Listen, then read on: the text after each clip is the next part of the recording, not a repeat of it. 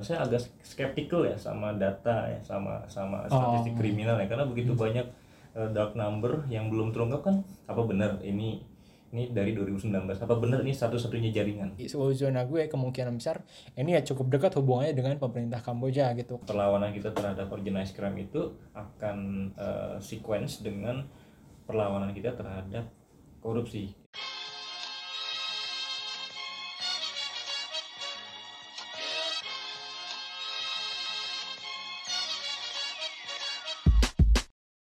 Selamat datang kembali di podcast Bebas Aktif season ketiga, episode ketiga bareng gua Raffi Ikhlas dan ada Mas Sofan juga. Dan kali ini spesial karena kita kedatangan tamu yang mungkin teman-teman sudah lihat di layar ada Mas seorang kriminal. Oh, bukan yang Seorang kriminal. kriminolog. beda tiga ya. huruf aja udah. Bukan kriminal tapi ahli kriminal. Ahli kriminal bener ya. Seorang kriminolog dan salah satu staf pengajar di Departemen Kriminologi UI juga ada Mas Bakti Eko Nugroho. Guys, Selamat datang Mas Bakti di podcast Bebas Aktif. atau panggilan kerennya Bang Ben. Bang Ben. Kayak Mas Iya, Kono Bro. Bro. Oke.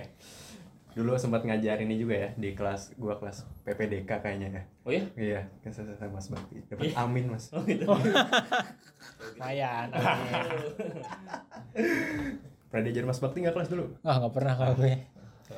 Seru, seru, seru. Nah, eh, kita sudah mendatangkan seorang kriminolog.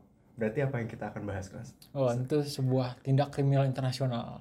Kriminal internasional kayak ini ya, mega sekali ya. Mega sekali. Karena ya gue denger-denger juga dan baca-baca juga di berita beberapa hari terakhir ada Kenapa mega sekali? mega. Mega. Aduh, salah ngomong. Apakah Anda sedang Enggak. menginsinuasi bahwa Mega tuh besar, Mega itu kriminal? Enggak. Enggak. Enggak. Oh, Enggak ya. Mega besar. Mega itu besar, mega mendung bisa Iya. banyak ya. Ya nanti dikat aja. Oke. Oke. Karena eh, beberapa waktu terakhir gue baca-baca berita kelas ada menurut gue satu kasus yang luar biasa tapi kayaknya belakangan ini nggak terlalu banyak dibahas lagi setelah di hari itu gitu ya. Ada penangkapan 12 orang eh, dengan tuduhan tindak pidana perdagangan orang dan yang diperdagangkan adalah organ ginjal Betul. dan nggak cuman di skala domestik atau nasional doang yang bikin ini luar biasa adalah ternyata melibatkan jaringan transnasional gitu dan salah satu negara yang terlibat dan kayaknya jadi pusatnya itu Kamboja ada apakah sebenarnya di, di dalam kasus itu Ya, jadi kan eh, mungkin seperti yang kita dengar di gurauan zaman sekarang. Oh, mending mending gue jual ginjal aja deh gini kan. Gue kira itu cuma bercandaan loh. Nah. Jadi pas kemarin ada kasus itu tuh gue kaget banget. Wah, ternyata ada. Ternyata ada beneran ya orang yang jual ginjal karena ya harganya sendiri juga agak murah dan emang ada in demand gitu ya untuk eh, penggantian ginjal. Cuman yang jadi masalah adalah ini dilakukan melalui cara-cara ilegal gitu. Dan 12 orang yang ditetapkan itu banyak apart-apart kita juga ya dari eh, imigrasi dan juga kepolisian yang kemudian eh, menjadi tersangka bukan tersangka utama malah tapi yang di Indonesia aja gitu yang kemudian ikut memfasilitasi komplisit dalam eh, skema perdagangan internasional ini. Karena terjadinya nggak cuma di Indonesia tapi meliputi beberapa negara gitu ya Cina India dan pusatnya sebenarnya tempat kejadiannya adalah di Kamboja gitu. Jadi ini sebenarnya melibatkan eh, bukan melibatkan ya telah eh, merugikan 122 orang warga Indonesia sebagian besar dari Bekasi ya. Jadi buat orang-orang Bekasi mau- Padahal ginjalnya bukan ginjal manusia. bukan ginjal manusia ginjal manusia? Bukan, kan Bekasi di luar angkasa. oh. Ginjal apa nih? Jokesnya empat dimensi. Tolong ya pendengar kita banyak dari Bekasi jangan-jangan nih. Bisa tersinggung. Tapi ya intinya dari warga Indonesia yang kemudian eh, ginjalnya itu ditransplantasi diambil di Kamboja untuk kemudian dijual kembali gitu eh, ke negara-negara lain.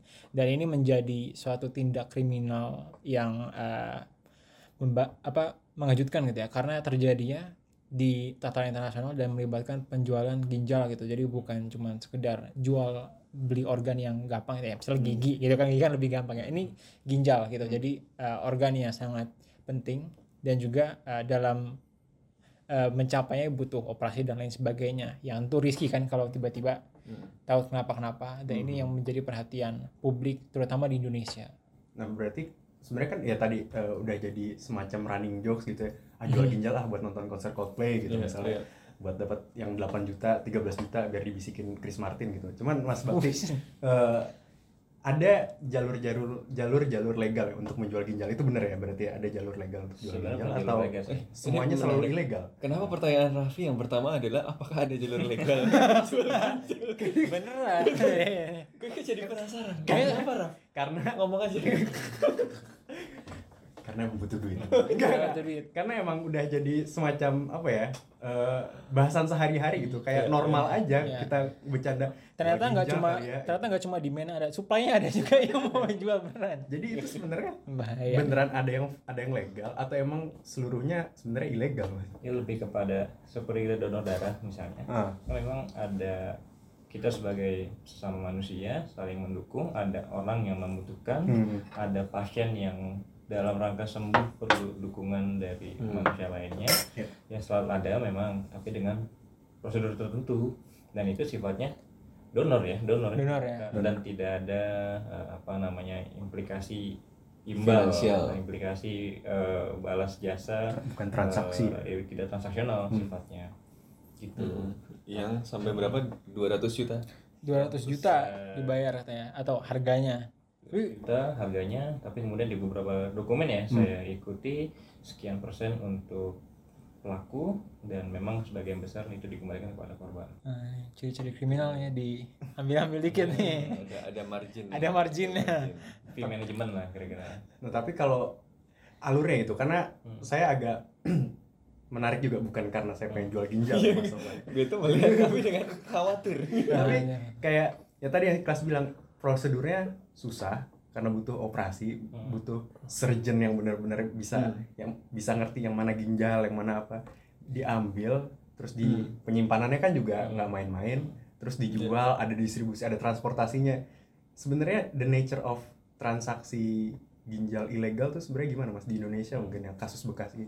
Pertama saya tarik dulu ke atas ya bahwa ini merupakan bagian dalam perilaku kejahatan terorganisasi hmm. kejahatan terorganisasi adalah setiap eh, bisnis penyediaan jasa atau barang yang ilegal kita bisa sebut aja semua yang kita butuhkan tapi ilegal itu di oleh organized crime tapi memang ada kebutuhannya ada pasarnya Hmm. paling sering jadi contoh itu Narkotika. narkotika ada pasarnya Hmm. tapi Ada pasarnya. oleh negara di Dilarang. di, di eh, criminalize Jadi belum tentu ada kebutuhan dan ada yang menyediakan itu boleh-boleh saja gitu ya. karena yang dibutuhkan dan legal itu di provide oleh legal market oleh pasar resmi.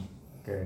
Pasar bawah tanah underground market atau black market Hmm. itu memprovide tadi hal-hal yang ilegal. Prostitusi misalnya. Hmm. pasarnya ada yang yang perlu jasa atau layanan prostitusi. Hmm. tapi kan negara atau beberapa perda itu mengkriminalisasi mengilegalkan. Hmm. makanya di provide oleh bisnis ilegal Ya. sama dalam konteks ini ada eh, apa namanya sebagian pasien sebagian manusia perlu dukungan atau perlu donor organ tubuh Hmm. macam-macam organ tubuh Nah, jantung Hmm. bola mata hmm, termasuk ginjal yang paling karena kan ginjal manusia itu bisa hidup dengan satu ginjal sebenarnya Ya. jadi bisa uh, kemudian di uh, apa namanya didonorkan nah, tapi kan tadi ya kalau bicara prosedur ada sekian banyak prosedur uh, medis saya juga tidak ahli di bidang itu tapi sebagai awam uh, misalnya kesehatan pasien harus Hmm. dilihat dulu lah ya loh kita mau mendonorkan bagian tubuh kita kalau kitanya nggak sehat bisa jadi punya konsekuensi juga buat, Iya. buat pasien yang didonorkan donor darah aja juga biasanya kan dicek dulu sehat Iya, apa enggak betul. kan lagi donor ginjal Iya. Eh, yang paling menonjol bahwa kenapa ini dilakukan oleh pelaku yang terorganisasi, bukan pelaku yang spontan, yang Iya. ser- eh, yang apa namanya eh, sekali dua kali beraksi lalu bubar. Nah, karena ada beberapa ciri. Pertama, eh, yang paling menonjol ada pembagian tugas di kelompok-kelompok ini, Hmm. dari mulai yang merekrut, me- apa namanya di bawah ya, yang mencari potensial victim, Hmm. melakukan bujuk rayu ada yang kemudian dia eh, punya tugas misalnya spesifik untuk memindahkan Hmm. eh, orang atau korban dari satu titik ke titik lain ada di beberapa jenis kejahatan perdagangan manusia itu eh, menyediakan shelter menyediakan apa namanya rumah singgah rumah singgah Uh, sampai kemudian punya peran juga ini biasa punya jaringan kapal untuk memasukkan beberapa dokumen Hmm. beberapa uh, kalau misalnya kasus-kasus kerja paksa misalnya Hmm. dengan korban anak itu kan pemalsuan Sur- atau surat keluarga, ya, akte Kartu kelahiran, keluarga, gitu. kelahiran, eh, kartu identitas ya. Hmm. Eh, ada pembagian kerja yang spesifik. Dan eh, kalau pembagian kerja kejahatan di jalanan pun kejahatan eh, konvensional pun ada pembagian kerja. Copet itu kan juga bukan kejahatan individual sebenarnya. Iya, iya. Emang gitu dah. Coba dicek dompetnya mana. ada yang memang eksekutor itu tugasnya dia ngambil barang. Hmm, tapi selain Eksekutor. eksekutor ada yang mengalihkan perhatian nyenggol-nyenggol dikit Iya, sehingga iya, calon iya, korban iya, itu iya, terdistraksi. Terdistraksi. Kalau sudah pembagian kerja begal di jalan Ini itu juga diperhatikan ya, jangan jadi manual. Iya, iya. Kita Ilmu, ini ilmu, ini ilmu. eh, nandal. emang bisa ghost buat tergantung niat tergantung niat Benar, benar, benar. Lanjut, lanjut. Eh, tapi yang kemudian membedakan pembagian tugas dalam kon- eh, pada konvensional crime dengan organized crime adalah pelibatan aparat keamanan atau adanya eh, dukungan eh, oknum penegak hukum atau eh, Iya. pejabat negara yang tidak berintegritas. Karena skalanya beda ya. Skalanya Kalau beda. copet tadi kan cuma di dalam bis Hmm, beberapa orang kriminal. gitu kan. Iya. Kalau kejahatan transnasional yang terorganisir kayak gini kan memang dia harus bawa orang Betul. dari satu tempat, dia harus lewat imigrasi, dia harus ke luar negeri dan seterusnya emang Hmm. apa ya?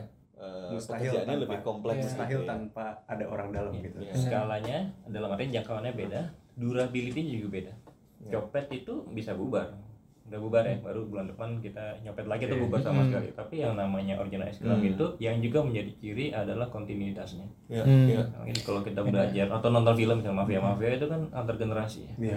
Anak eh, kemudian Karena membangun kepercayaan untuk pembagian tugas yang Itu kompleks, sulit, yang ya. ilegal kayak gitu Ah. susah. Gitu. ya kayak di film-film crime itu kan pasti susah untuk jaga trust Iya. satu sama lain ya bagian tugas juga maintain market. Market juga kan harus apa namanya terus-menerus di eh, yakinkan bahwa kita bisa supply satu supply. eh, jasa atau produk yang yang sustain. Hmm. Ini kan soal Iya, iya. bisnis kan. Ya, ini Bisnis. supply chain Benar-benar bisnis bahasa ya. ekonomi politik internasionalnya kan di situ ada yang modelnya modular, ada yang modelnya eh, hierarkis gitu yang dari awal sampai akhir itu terhubung End-to-end. satu organisasi gitu ya. Tapi ada juga yang modelnya yang modular gitu ya. Jadi ada yang fokus di satu segmen dari Hmm.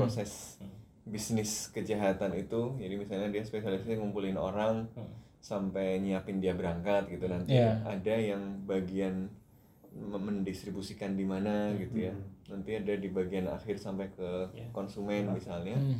yang itu bisa terpisah-pisah gitu ya jadi kalaupun misalnya jadi bagian dari jaringan ini penyedia ginjalnya itu ketangkep dia tinggal cari yang punya spesifikasi Hmm. Keahlian yang sama betul. untuk menyediakan hal yang sama gitu. benar benar benar Ini ya kan model kayak gini juga akan menentukan penanganannya ya. Maksudnya kita juga harus tahu ini memang sindikat yang end to end terhubung atau ya tadi dia terpisah-pisah gitu ya, ya, ya. modular yang bisa sam- sambung pasang sambung pasang gitu. Itu Iya. membedakan organized crime dengan kelompok terorisme yang mereka politis Hmm. dan ideologis ya.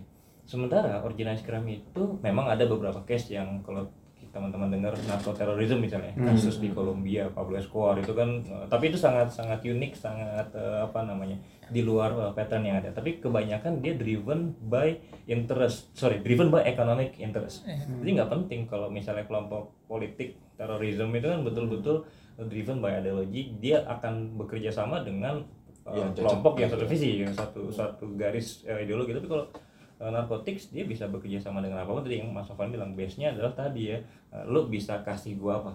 Ini mirip kan di, di, di narkotics misalnya petani yang handle petani yang handle nanam ya misalnya nanam uh, ya bahannya ya kokain nanam uh, ganjanya. Ada lagi yang handle laboratorium lab. Ada yang lagi yang handle uh, market pasar. Hmm, Dan ini nggak sendirian ya, dia Iya, bisa nggak sendirian. bisa macam-macam. Kalau di sini masalah di sini ditangkap polisi di sini dia bisa cari yang lain. supplier lain gitu. Iya, petani nih eh, petani petani bisa jual ke mana aja. Nggak bisa. Nih kita semuanya eh, pemain nih. Bisa dapat dari petani yang sama. Bisa pakai lab yang eh, sama misalnya. Ya se yang mau saya katakan secair itu. Iya. Hmm. di, di dalam. Iya, Makanya tadi iya, kalau iya. kita bilang di awal eh, Ikhlas bilang eh, ada 122 eh, korban misalnya saya agak skeptical ya sama data ya sama sama statistik Oh. kriminal ya karena begitu banyak eh, dark number yang belum terungkap kan apa benar ini ini dari 2019 apa benar ini satu-satunya jaringan Iya Ah, benar. iya. kalau betul ini satu-satunya jaringan apa betul hanya Kambodia atau China yang disebut Iya. di pemerintahan sekarang apa Betul, apa betul. banyak lagi misalnya negara destinasi yang yang tidak eh, terekspos belum Hmm. terungkap misalnya Iya iya iya. Ini kan yang terungkap Berapa aja. banyak, ya. Oke. Banyak. Dan kalau menurut gue ini ada ada istilah bisnisnya juga gitu kan. Kalau misalnya kalau dihubung-hubungin gitu ya. Kan kalau tadi copet itu kan bisa eh, ya dia nyopet sehari udah bisa cukup buat seminggu gitu kan. Mm-mm. Nah kalau ini tuh namanya mentalitas yang dia cukup just to get by aja gitu buat hidup. Tapi kan kalau bisnis yang kayak gini, ya kejahatan yang kayak gini kan benar-benar bisnis gitu. Bahkan startup gitu kan, Iya, iya. bener-bener eh, aimnya tuh buat tumbuh, buat Itu scaling M- up gitu. MNC itu. MNC, Multinational- MNC, benar. Jadi jadi sifat itu juga yang mesti diperhatiin gitu kan mungkin crime. Ya. Ah. dalam menyikapinya gitu. Kalau copet mungkin kalau eh, lebih mudah dibubarkan dan udah bisa terganti kebutuhannya kan udah gitu ya. Tapi kan kalau ini kan berarti nggak cuma bisa sekedar, tapi emang mereka yang pengen kaya melalui cara-cara yang tidak legal gitu. Tapi apa yang membuat mereka begitu organize, Mas? Maksudnya ini ini dark dark world Iya. yang aturan juga abu-abu nggak jelas, eh, nyari apa-apa harus ilegal, mungkin pakai orang dalam atau apa. Kenapa mereka bisa begitu organize biasanya gitu? survivability itu alasan pertamanya dan mendasar ya Hmm. mereka harus organize karena untuk bertahan Hmm. makanya dalam banyak kelompok mereka punya yang namanya uh, aturan internal dan itu ketat Oh iya itu, iya. Uh, apa namanya berlaku Jadi jarinya dipotong. Iya iya baru mau ya. ngomong. Iya, Dipotong, Iya, di iya. dicap pakai apa jus. Uh, itu, Iya, itu iya. juga salah satu uh, ciri dari organized crime Ah. adalah mereka itu, itu ciri dan persamaan dengan kelompok teror adalah mereka sama-sama deploy violence dengan berbagai uh, tentunya tingkatannya ya Hmm. dan itu punya makna eh, pendisiplinan ke dalam internal bahwa loyalty itu penting ya eh, apa namanya kepercayaan ke dalam penting juga untuk apa namanya eh, menegaskan kompetisi sebenarnya ya. Hmm. Eh, begitu ya Eh, hanya saja kepada penegak hukum biasanya ya dalam banyak dalam pola umumnya di banyak negara original crime memang lebih memilih bribe daripada confronting atau berperang melawan penegak iya. hukum. Pa- Pablo Escobar tuh memang sangat unik ya dia Iya. dia betul-betul Wah. apa namanya angkat senjata melawan eh, Karena ada konteks negara. khusus kan. Iya, Nah, ada khusus konteks juga. politiknya ya kan. Khusus. Ya kita nggak bisa menafikan itu ya. Tapi memang yang apa ya, ya yang menarik tadi adalah ya kenapa mereka apa ya harus terorganisir ya kalau nggak terorganisir mereka udah ketangkep kan gitu Betul. jadi Nggak bisa asal-asalan jadi gitu. nggak bisa asal-asalan yang yang akhirnya bisa bertahan lama sebagai organized crime adalah yang uh, sudah mampu lolos seleksi survivabilitas itu kan jadi yang kapasitas organisasinya rendah ya pasti langsung dari awal udah ketahuan gitu loh Dan ketahuan ini berarti amatir jelek langsung berarti. mati gitu Berarti ya. ini agak Amat- jelek gitu. Berarti kalau baru ya 2018 masih lumayan lah ya Lumayan. baru tapi eh, ya tapi menunjukkan bahwa memang nggak ada karena karena wong bisnis yang legal aja Ya. bisa nggak survive kan kalau Iya. organisasinya nggak Iya, bagus iya, iya. apalagi bisnis yang ilegal gitu yang ilegal itu kan artinya eh, ketahuan gitu dikit ya eh, rusak semua kan artinya dia harus punya pengorganisasian yang memang sistematis yang yang pembagian kerjanya rigid jelas yang bisa fungsional gitu ya ya, ya kalau nggak mati gitu loh. jadi Tapi kita memang mesti cermat juga gini, eh, Mas. eh, selain dari sisi pelaku ya, di market juga, market juga established ya. Terus menerus permintaan itu kan nggak pernah berhenti. ya Ini jangan sampai, ini kita belajar aja dari Hmm. dari case narcotics ya. Ini satu jaringan terungkap, kan pemain gak cuma ini ya. Jangan sampai Nah, seluruh mata fokus sama ini, Ya. tapi kemudian jaringan yang lain bekerja. ya malah disuplai sama yang lain Iya, kadang-kadang katanya kalau di film-film eh, crime gitu malah justru kalau ada jaringan yang kebuka itu artinya ada yang main ada yang main, Yang lain. dibuka gitu ya. Ya, jadi ada saingannya atau yang lebih besar ini ada kalau di apa cerita-cerita yang gue sering dengar apa di Jepang kan ada yakuza gitu ya Iya. itu katanya kalau ada pemain baru gitu yang yang di luar yang sudah established kalau dia sudah lewat batas tertentu Kerjain. eh, dikerjain gitu memang ada batasnya gitu loh jadi kalau dia mengganggu market yang sudah established gitu. Hmm. jangan-jangan kayak gini juga nih maksudnya Iya, ini pemain uh, Iya, malah iya. justru Cemen pemain gitu ya. baru Ada kemungkinan gitu. kita nggak tahu gitu Betul. ya tapi penting untuk me- melihat itu ya karena apa ya tadi karena pasarnya cair sekali jadi jangan sampai ngelihat ini wah ini prestasi ya terus benar-benar masalah kayak udah selesai padahal barangkali ini cuma apa Biasa. eh, ya salah satu ya puncak gunung es aja Betul, gitu betul, di dalamnya banyak banget gitu Sebentar kita apresiasi ya bapak-bapak ibu-ibu di Iya, penegak hukum yang sudah sampai Oh, apresiasi dulu mas. apresiasi. Kita Terima harus apresiasi dulu. Tumben tumben. Presisi presisi.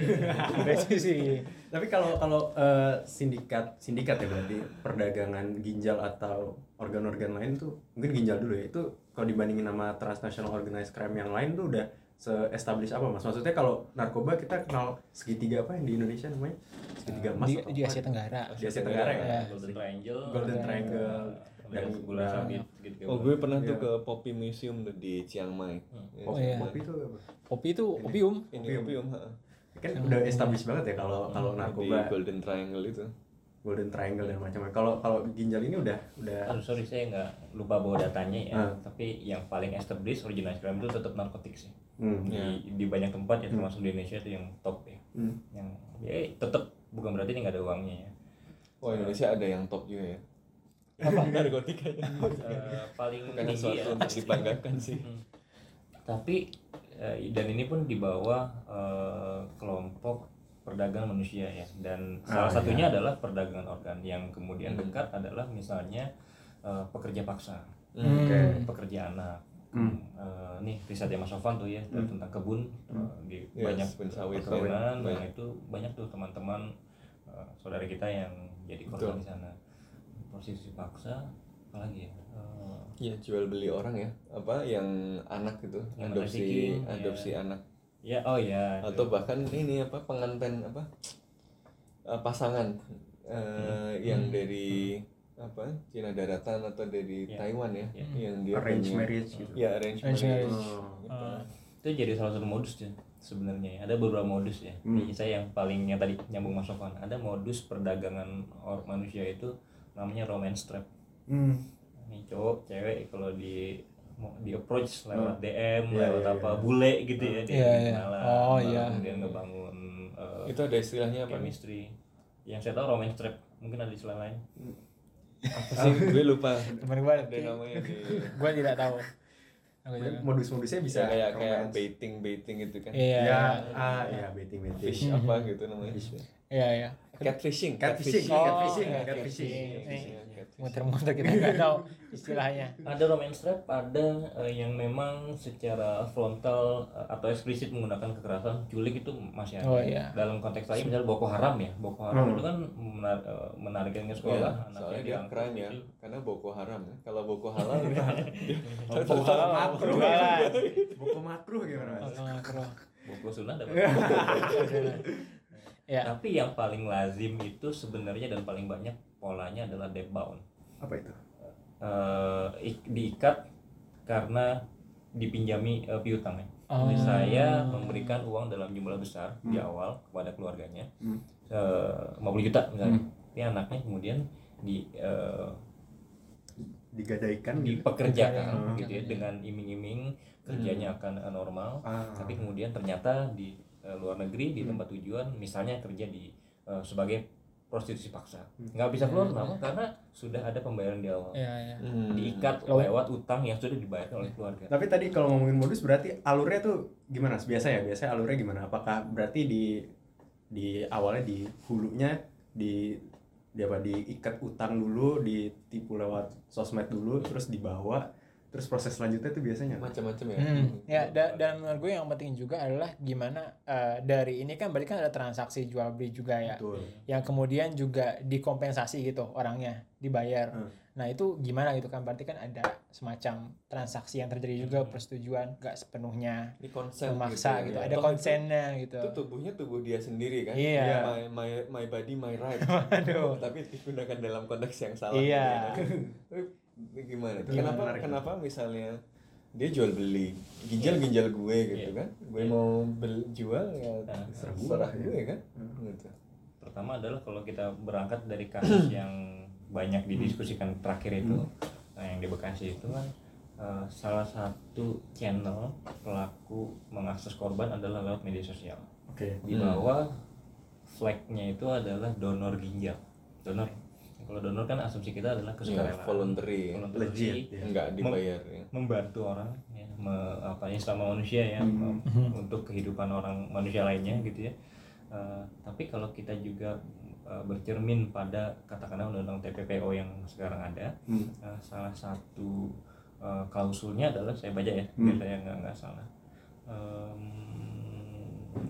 penyalahgunaan kekuasaan atau posisi rentan nah itu yang sering kali menjadi eh, apa namanya menjadi eh, cara di mana orang memanfaatkan kerentanan orang lain untuk mengambil keuntungan ekonomi Hmm. kebanyakan korban kan eh, donor darah bukan karena eh, genuinely ingin Cari donor, duit tapi gitu. karena ada eh, atau dimotivasi karena kebutuhan ekonomi. Pengen makan Bukan siang untuk nonton- biasanya. Ya, bukan untuk nonton Coldplay ya, gitu. tapi karena memang mau bantu gitu kan Hmm. ya kadang-kadang kita dapat WA saudara ini saudara gue Lagi kekurangan darah gitu kan terus Iya, beredar iya, terus benar-benar. kita bantu nggak ada tuh kalau nyebar orang saudara saya butuh uh, donor darah gitu apa oh resus ini ini ini Mhm. biaya nanti kami kasih 150 juta gitu nggak ada kan Nggak ada. nggak ada yang gitu. Dan ini di, dikendalikan oleh tadi ya pelaku-pelaku yang terorganisasi dia punya jaringan ke aparat dia punya jaringan ke market di luar negeri di beberapa negara tujuannya apa tujuannya eksploitatif Oke.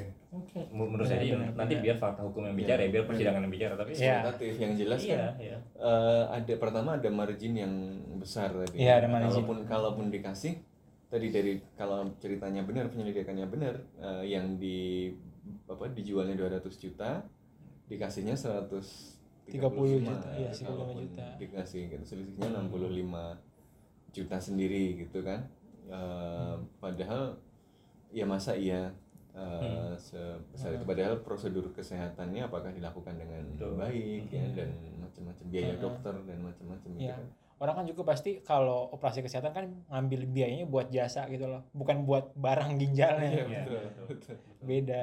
Ya. Iya iya iya. Ya sama mungkin itu juga ya apa. Jadi tadi gue highlight yang dari Mas Bakti tadi apa, memanfaatkan posisi rentan Iya. gitu ya. Jadi memang korbannya kebanyakan eh, tadi bukan orang yang mau bantu karena dia nggak kenal juga dan macam-macam. Memang motivasinya kemudian Hmm. ekonomi karena kondisi ekonominya lagi Hmm.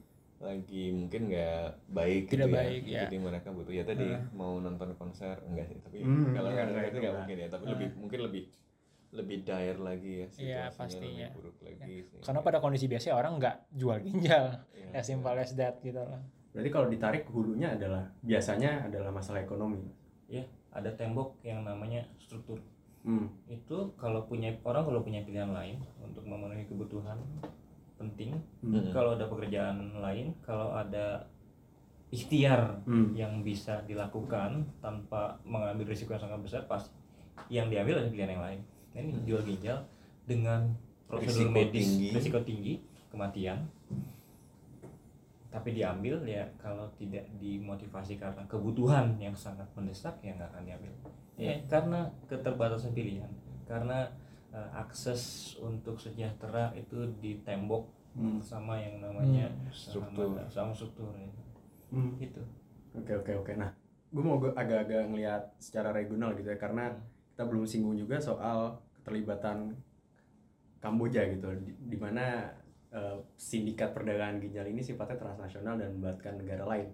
Berarti skupnya gede banget dan yang mau gue tahu adalah kenapa Kamboja gitu ya pertama kenapa Kamboja dan kenapa bisa gimana mekanisme antar negara ini bisa terjadi bagian dari besar integrasi ya? integrasi ekonomi Integra- Aset. Waduh, bahaya nih pasar bebasnya terlalu bebas. Terlalu bebas. sebenarnya kalau apa industri yang berkaitan dengan kesehatan itu di Asia Tenggara kan yang terkenal Malaysia ya Eh, layanannya bagus tapi Ya. relatif terjangkau maka banyak yang pada orang Indonesia itu pada Betul. pergi ke Malaysia ke Penang gitu kan Hmm. misalnya atau kalau yang kualitasnya bagus agak mahal ya mahal Hmm. tapi bagus di Singapura gitu Betul. jadi memang health tourism medical tourism itu ya salah satu eh, apa ya eh, comparative advantage gitu Benar, ya. nyata loh. Eh, Kayak di Lebanon juga kan. competitive advantage yang kemudian di memang didorong untuk dikembangkan. Jadi kan Betul. di dunia yang semakin kuat kompetisinya, negara kan harus punya Ada. spesialisasi supaya dia attract uh, investasi, dia attract perdagangan yang dia bisa menonjol dari yang lain. Nah ini yang uh, menarik ya jangan-jangan apa ya in a way gitu ya uh, ini merupakan ya apa ya mekanisme pasar yang semacam itu gitu ya karena persaingan di industri uh, health tourism itu ketat gitu ya. Oh kalau mau berat kalau mau yang mahal tapi bagus sudah ada di Singapura mau yang murah tapi uh, bagus ada di Malaysia. Di Indonesia ada yang di Indonesia juga bagus dan murah. Mau ngomong apa ya? Ah, ya. Ya, gue menghindari jebakan. Eh, eh, tapi kan kita sudah buat apa rumah sakit internasional kemarin yang Aduh. Iya. Udah ada RU kesehatan. Wah, Kesehatan. waduh, Waduh, waduh. kesehatan. Bagus tapi. Hmm. gue Iya, suka. udah, Lama lanjut, lanjut. kesehatan. Tapi anyway, eh, kembali lagi ke apa tadi health tourism. Nah ini jangan-jangan ada hubungannya sama RUU kesehatan tadi karena kesehatan jadi pasar. Eh, ya kemudian jadi eh, tadi eh, sektor Persaingan kesehatan pasar yang punya pasar tadi, kemudian dia butuh keunggulan Hmm, hmm. eh, khusus tadi loh yang yang spesifik gitu. Nah kalau Kamboja misalnya mau jualan health tourism, mau bersaing sama Malaysia sama Singapura gimana? Yang nggak bisa disediakan Singapura sama Malaysia apa? Ginjal ya. Ginjal. Iya. Ka- kalau ginjal lewat proses legal harus formal, Susah, harus iya. susah gitu. Eh, menurut gue satu satu adalah eh, faktor eh, barangkali itu, eh, faktor eh, kompetisi di pasar turisme kesehatan tadi, health tourism tadi ya, Eh, yang kedua karena eh, untuk mengakses dan mendapatkan ginjal itu kan prosesnya mahal ya, maksudnya prosesnya susah gitu. Eh, panjang, kalau orang birokratis. volunteer kan berarti harus kenalan, harus macam-macam. Prosesnya panjang karena melewat karena melibatkan nyawa orang dan seterusnya. Jadi Hmm. lama gitu kan. Jadi supply-nya by nature kalau ngikutin aturan itu pasti susah, pasti Scarce. sulit, Hmm. scarce, resource-nya scarce. Eh, jadi eh, apa ya? Dia susah untuk diakses. Karena itu dia membutuhkan proses-proses di luar proses normal. Di luar proses normal itu ya pasti lewat proses-proses yang tidak legal gitu. Dan barangkali Singapura atau Malaysia atau negara lain yang mungkin sistem legalnya lebih kuat di sektor kesehatan Hmm, hmm. gitu ya, lebih susah untuk melakukan itu gitu. Mungkin dia mau juga nyelundupin ke Singapura gitu, tapi Singapura ngeludah aja uh, Iya. ribet gitu kan Iya. gitu. Eh, jadi yang mungkin ya yang ke tempat yang relatif eh, lebih bisa dipenetrasi Oh, iya. oleh kejahatan transnasional gitu ya. Jadi eh, apa eh, selain adanya demand gitu ya, memang ada kebutuhan yang tinggi untuk eh, itu. Kemudian eh, supply-nya kecil, supply-nya rendah karena ya kalau voluntary susah gitu ya. Nah, kemudian ini dipenuhi melalui mekanisme ilegal karena dia dipenuhi melalui mekanisme ilegal ya dia bisa bisanya di tempat yang penegakan hukumnya relatif lebih loose gitu.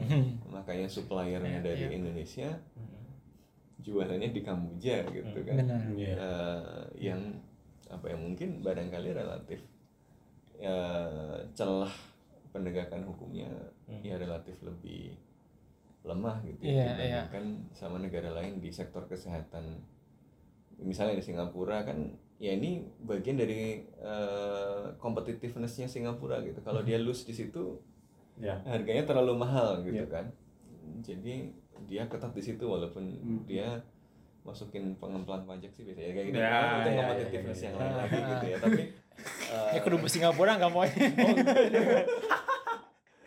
Ya ya. By, Iya. by, by nature economic formal itu selalu diikuti dan ditopang oleh underground economics ya. Eh, ada jadi betul kan berarti ini kan bagian dari ASEAN Economic Integration gitu kan tapi yang kemudian Unplanned gitu ya. aspek Aspek eh, ilegalnya aspek Ya, undergroundnya ya, ya. ikut masuk Selalu. Iya gitu. emang emang. ada mining, ini. ada lokalisasi tambang misalnya selalu diikuti dan ditopang misalnya dengan prostitusi karena Iya. pekerja tambang Hmm. perlu, Ah.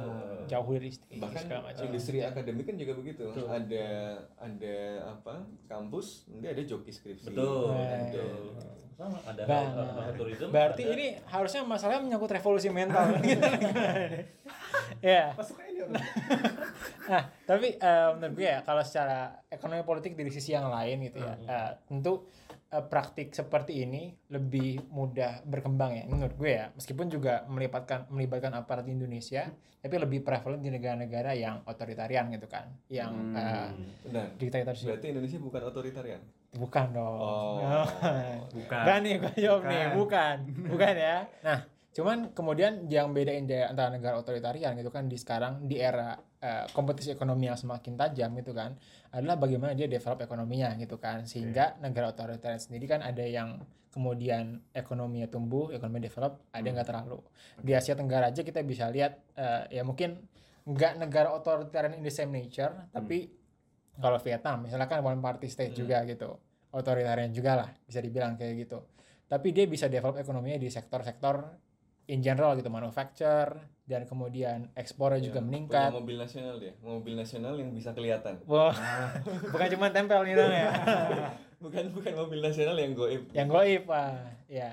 Ya jadi ada ada ada yang bisa eh, kemudian negara eh, yang cenderung otoriter tapi bisa develop ekonominya eh, in general gitu. Jadi dalam sektor yang lebih luas menguntungkan eh, publik yang secara lebih luas juga. Kan jadi welfare nggak cuma sekedar segelintir elita doang yang naik tapi emang eh, wage dan ke- kesejahteraan rakyatnya juga. Nah, tapi ada juga yang kemudian menurut gue ya kalau yang Kamboja dan mungkin kalau di Asia Tenggara ya Myanmar gitu kan atau uh, Laos to some extent gitu. Yang kemudian ekonominya nggak bisa develop secara luas gitu, secara uh, umum sehingga ada beberapa sektor yang dikuatkan gitu kan. Jadi kayak kasusnya juga Suriah kan ekspor narkotika Kaptagon gitu. Dan ini ya udah gimana dia bisa menemukan uh, sektor-sektor yang dia bisa uh, memiliki keunggulan uh, komparatif yang spesifik banget kayak masalah transplantasi ginjal itu kan sangat-sangat spesifik gitu. Tapi ya biasanya itu satu itu shady business gitu kan melibatkan uh, kriminalitas transnasional dan biasanya dari situ kan yang diuntungkan pada akhirnya bukan masyarakat secara luas gitu kan. Ya, Iya segelintir elitnya. segelintir elitnya aja, kartelnya aja gitu. Dan kalau gue sih, zona gue kemungkinan besar ini ya cukup dekat hubungannya dengan pemerintah Kamboja gitu. Karena eh, ini kan terjadi itu di rumah sakit militer. Loh, Hmm. Rumah sakit militer. Jadi ya patut dipertanyakan ini ada keterlibatan tentara Kamboja nggak tapi di sini? nanti ketangkep dia minta pengadilan militer Wah, kita lihat undang-undang undang KPK ada undang-undang tipikor nggak di sana ya ini. Kok jadi KPK? Iya. Maksudnya kalau pemberantasan kejahatan Kamboja. transnasional Benar, ya seperti itu gitu kan. Jadi eh, kemudian eh, dan ini juga medical tourism ini kan dan di hot dan di eh, rumah sakit yang sama ya dipromosikan juga sama ex perdana menteri Hun Sen gitu kan. Oh, yang iya? dulu. Iya, beneran. Ini harusnya medical tourism bisa menjadi ini. dan Diprom ngomong-ngomong Kamboja lagi pemilu ya Iya, udah. Tunggu hasil oh, nunggu hasil. Bukannya udah ya. Udah keluar, Mas. oh udah keluar ya Iya. Mundur Hun Sen kan? Landslide, ya. Terus Hun Sennya mundur. Jadi eh, seperti itulah bukan yang kemudian ada eh, arah-arah development dari eh, negara yang kemudian berbeda gitu. Kalau bisa gue amatin gitu. Jadi ada zona gue kayak gitu. Dan mungkin khusus zona gue ya. Nanti nanti Mas eh, Bakti bisa nambahin. Kalau apart di Indonesia kan kayaknya eh, mungkin nggak bisa dibilang keseluruhan gitu ya. Tapi memang ada. Kalau di sini gue bisa menggunakan oknum Iya. gitu. Iya. Meskipun gue nggak tahu oknumnya berapa banyak nih, tapi oknum gitu kan yang kemudian eh, dalam luar institusi biasa berhati-hati yang kemudian eh, terlibat gitu kan dalam hal itu. Karena kalau secara ekonomi politik kan beda. Tadi Iya, udah iya, saya iya. eh, outline reasonnya kenapa iya, gitu. Mas Rat. iya. Gimana Mas ada tambahan? yang tadi ya menarik uh, hubungan antara leadership atau model kepemimpinan yang otoriter atau demokratis dengan bagaimana organisasi kan beroperasi. Hmm. Kalau otoriter tuh punya dua implikasi sebenarnya. Mhm. Dia betul otoriter, dia bisa secara tanda kutip efektif memukul kelompok kejahatan kayak yang dilakukan Duterte sekarang. Iya, Ya, betul. Betul-betul. Atau itu efektif memang gitu Eh, efektif bukan yang enggak ya efektif Ya. dalam artian Gue, eh, dia nembakin orang tapi bahwa banyak yang mati iya Ya. tapi narkotika hilang nggak saya lurus efektif dalam artian betul-betul dia tidak membangun engagement dengan eh, pelaku nggak- ganti contoh El Salvador. Nah, Nah. itu kejam sih tapi efektif gitu kalau Eh, dilihat hasilnya Nah, itu udah isu impli- impli- im- implikasi lanjutan ya human rights Iya. dan sebagainya. Tapi yang mau saya sampaikan adalah efektif dia tidak mendukung kondusifnya negaranya bagi operasi Benar. Oke. Atau Jepang misalnya waktu uh, Jepang menerbitkan anti yakuza law, Hmm. Ya, peraturan yang melarang simbol-simbol dan operasinya Iya, iya, iya. yakuza. Tapi di wak di ini uh, estes yang lain adalah itu bahkan pemimpin- sampai sekarang masuk ke onsen nggak boleh pakai tato, tato, ya tato. Oh. betul. jadi kalau tatoan nggak boleh masuk ke pemandian air panas di beberapa tempat Iya. ya Tapi implikasi yang lain adalah ketika pemimpin otoriter atau negara yang otoriter itu justru tidak merespons uh, kejahatan, tapi justru menjadi bagian yang memfasilitasi atau mensponsori uh, pelaku-pelaku ini. Ah, benar. jadi Atau mengambil jadi untung. kalau otoriter itu take it or leave it gitu Iya. kan Iya, kalau iya. dia leave it ya dihabisin betul gitu ya nggak engage tapi kalau diambil ya diambil aja sekalian Jangan-jangan semuanya Kamboja seperti yang tadi Iya. kelas sampaikan. bacaannya seperti itu nah kalau demokrasi nah ini yang menarik kalau nih demokrasi fragmented Fragmented, mungkin ya, betul. ya jadi kalau menurut gue tergantung kap- eh, karakter dari negara Tergantung juga. karakternya. apakah eh, institusi negaranya itu insulated dari kepentingan kepentingan subnasional yang beragam atau dia fragmented eh, yang ada segmen-segmen yang melayani eh, apa ya dan mencari keuntungan dari proses-proses yang beda-beda gitu ya. Misalnya eh, ada yang punya jabatan tertentu wewenang tertentu dan dia kemudian punya kedekatan dengan eh, kelompok kepentingan Hmm. tertentu gitu ya Eh, yang mereka kemudian berkompetisi di dalam panggung pembuatan kebijakan tadi. Makanya kita lihat kalau di negara yang fragmented kan eh, antar birokrasi itu rebutan anggaran karena kemudian ribut dan seterusnya karena mereka punya relasi sosial yang berbeda dengan kelompok sosial yang juga berbeda-beda gitu kan sikut-sikutan gitu. Jadi misalnya ada kasus ditangkap yang ini tapi stop deh gitu ya sampai di sini Hmm, doang gitu iya, misalnya. iya, itu iya. contoh negara frag- fragmented Iya. kepentingannya gitu. Eh, padahal sebenarnya ke mana-mana gitu tapi cukup disorganisir kan menunjukkan bahwa eh, ada eh, negara institusi negara ini tidak bisa dilihat sebagai satu institusi negara yang tunggal. Hmm. Tapi dia terkotak-kotak dan kotak masing-masing kotak ini merepresentasikan koneksi dengan kepentingan yang berbeda-beda. Nah, kejahatan transnasional juga kayak gitu ada betul betul betul kayak ada mainan sebagian segmen gitu kan. Mhm.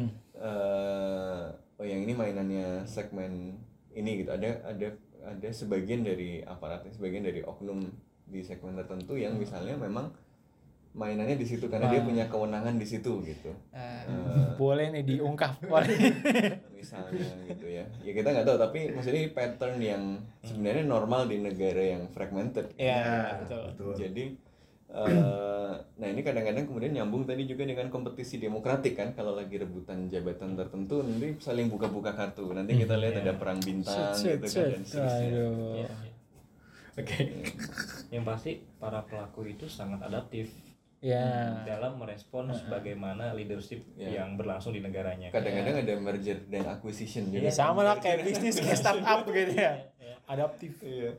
Pivot ke sini gitu saya. Aduh. Dia tahu harus bagaimana merespons uh, leadership yang otoriter. Iya. Dia punya caranya. Mereka punya tahu bagaimana merespons leadership yang mereka punya ini unit beda ya. government relations Bener. juga tuh PPGR punya PPGR iya jangan-jangan deh iya betul pasti public policy servisnya mungkin lebih ini juga gitu Iya. dalam kontestasi pemilu misalnya ada tiga calon, empat calon, mereka nggak mungkin Pasti approach ke semua satunya, gitu pasti ya. invest di semua calon. Itu mereka banyak juga tidak ya. interest Iya. sama politik dalam artian mendapatkan kekuasaan formal. Memang Escobar tuh beda dia beda, beda dia kan maju Anomali ke dia. parlemen anomali dia ya. Tapi yang lain tuh ya seeking politik untuk dapat proteksi. Ba- balik lagi adalah economic of interest bukan politik sebagai value, bukan politik sebagai ide ya, Hmm. gitu ya. dan kalau Hmm.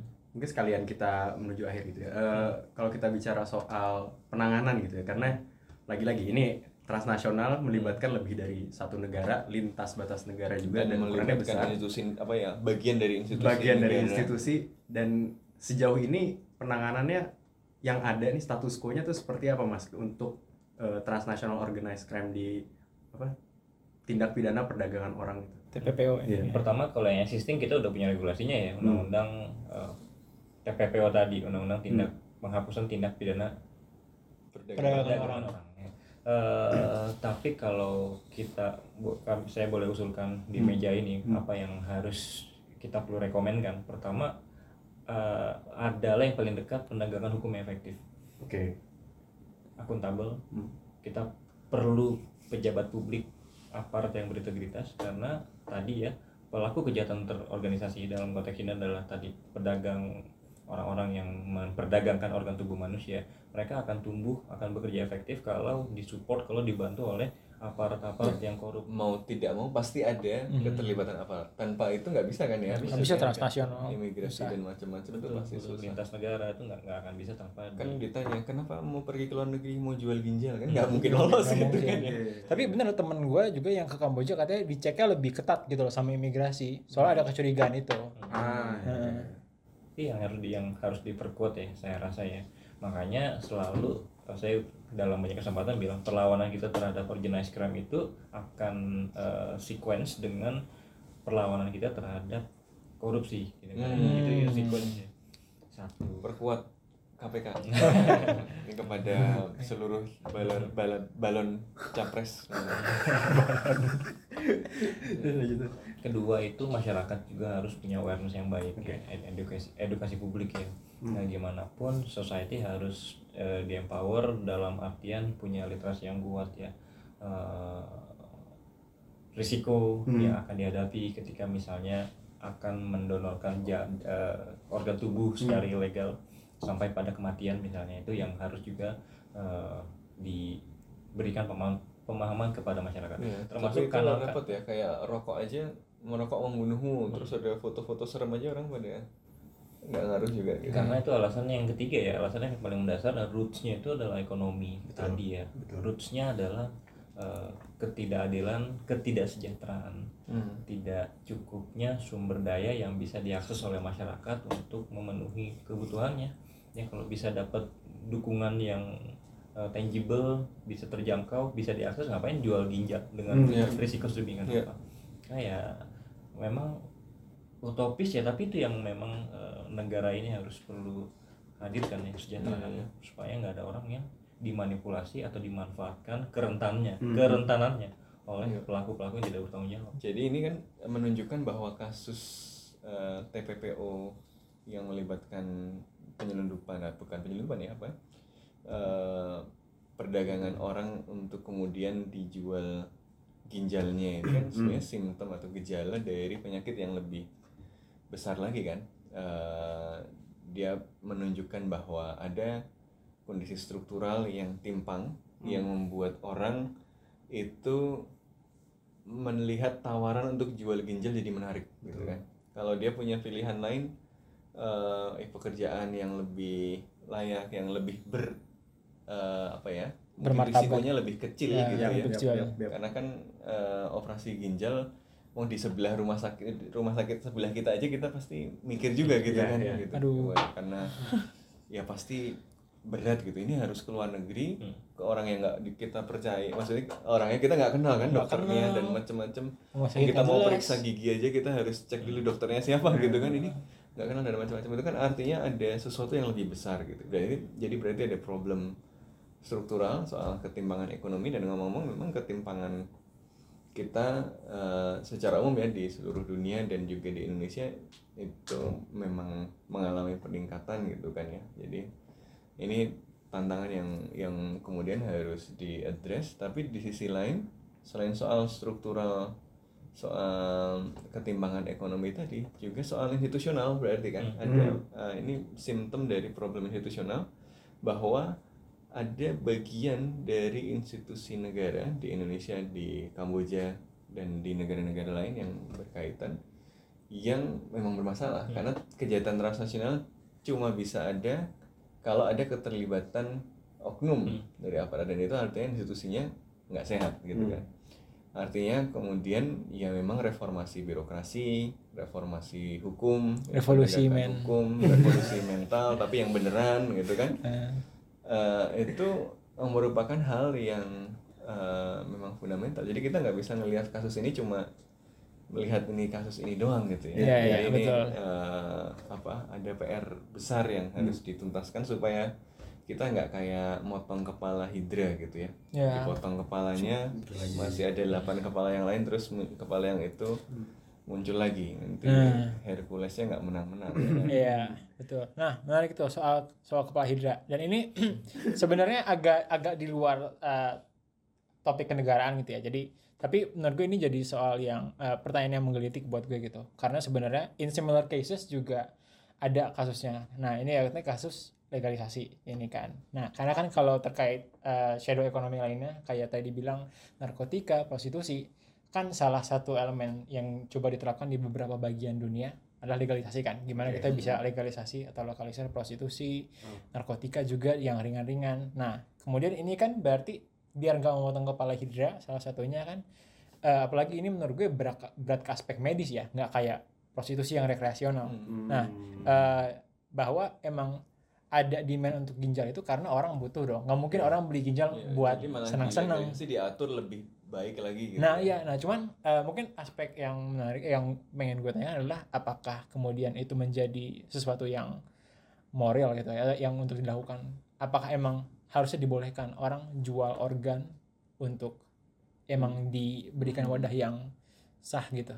Pertama kalau misalnya jalur legal ya atau prosedur legal itu sudah tersedia ya. Oke. Nah, untuk ginjal misalnya ya ada ada syarat medis dan syarat administratif yang harus ditempuh oleh eh, pendonor. Mhm. Syarat medis misalnya usia 18 sampai 60 tahun, sehat secara fisik dan mental, tidak merokok, tidak menggunakan obat-obatan terlarang, tidak sedang hamil dan seterusnya dan seterusnya berbagai eh, Iya. medical eh, apa namanya requirement yang harus dipenuhi dan ada juga eh, syarat administratif itu lebih kepada eh, punya identitas, membuat eh, pernyataan.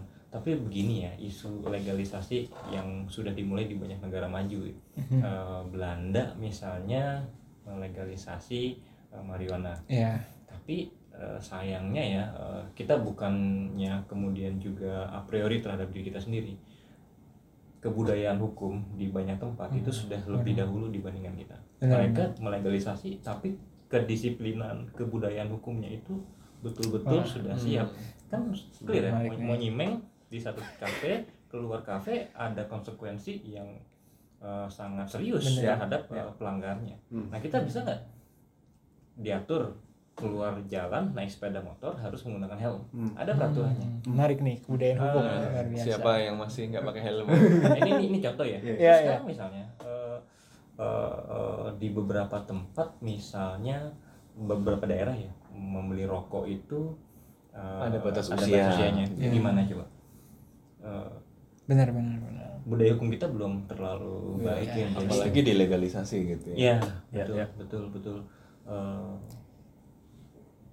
memang kita tetap perlu mewadahi ya. Balik lagi ini kan semacam volunteerism, Hmm. eh, sense kita sebagai sesama human being yang menolong orang yang eh, memerlukannya. Hmm. Tapi ketika dia ada transaksi di baliknya, ada konsekuensi imbalan dan kemudian ada pelaku yang memanfaatkan Hmm. Iya. kerentanan-kerentanan ini mengambil Iya. keuntungan Iya. dalam waktu yang Pasti lama. eksploitatif. Itu eksploitatif. Iya, iya, Nah, itu iya. yang kemudian kita harus hindari. Tapi kalau ngomong-ngomong apa eh, donor organ ilegal, gue jadi ingat ini Hatake Kakashi, Gimana tuh? mantan Naruto. Dia melakukan operasi ilegal kan, na- apa naruh mata sharingan gitu ke mata dia sendiri.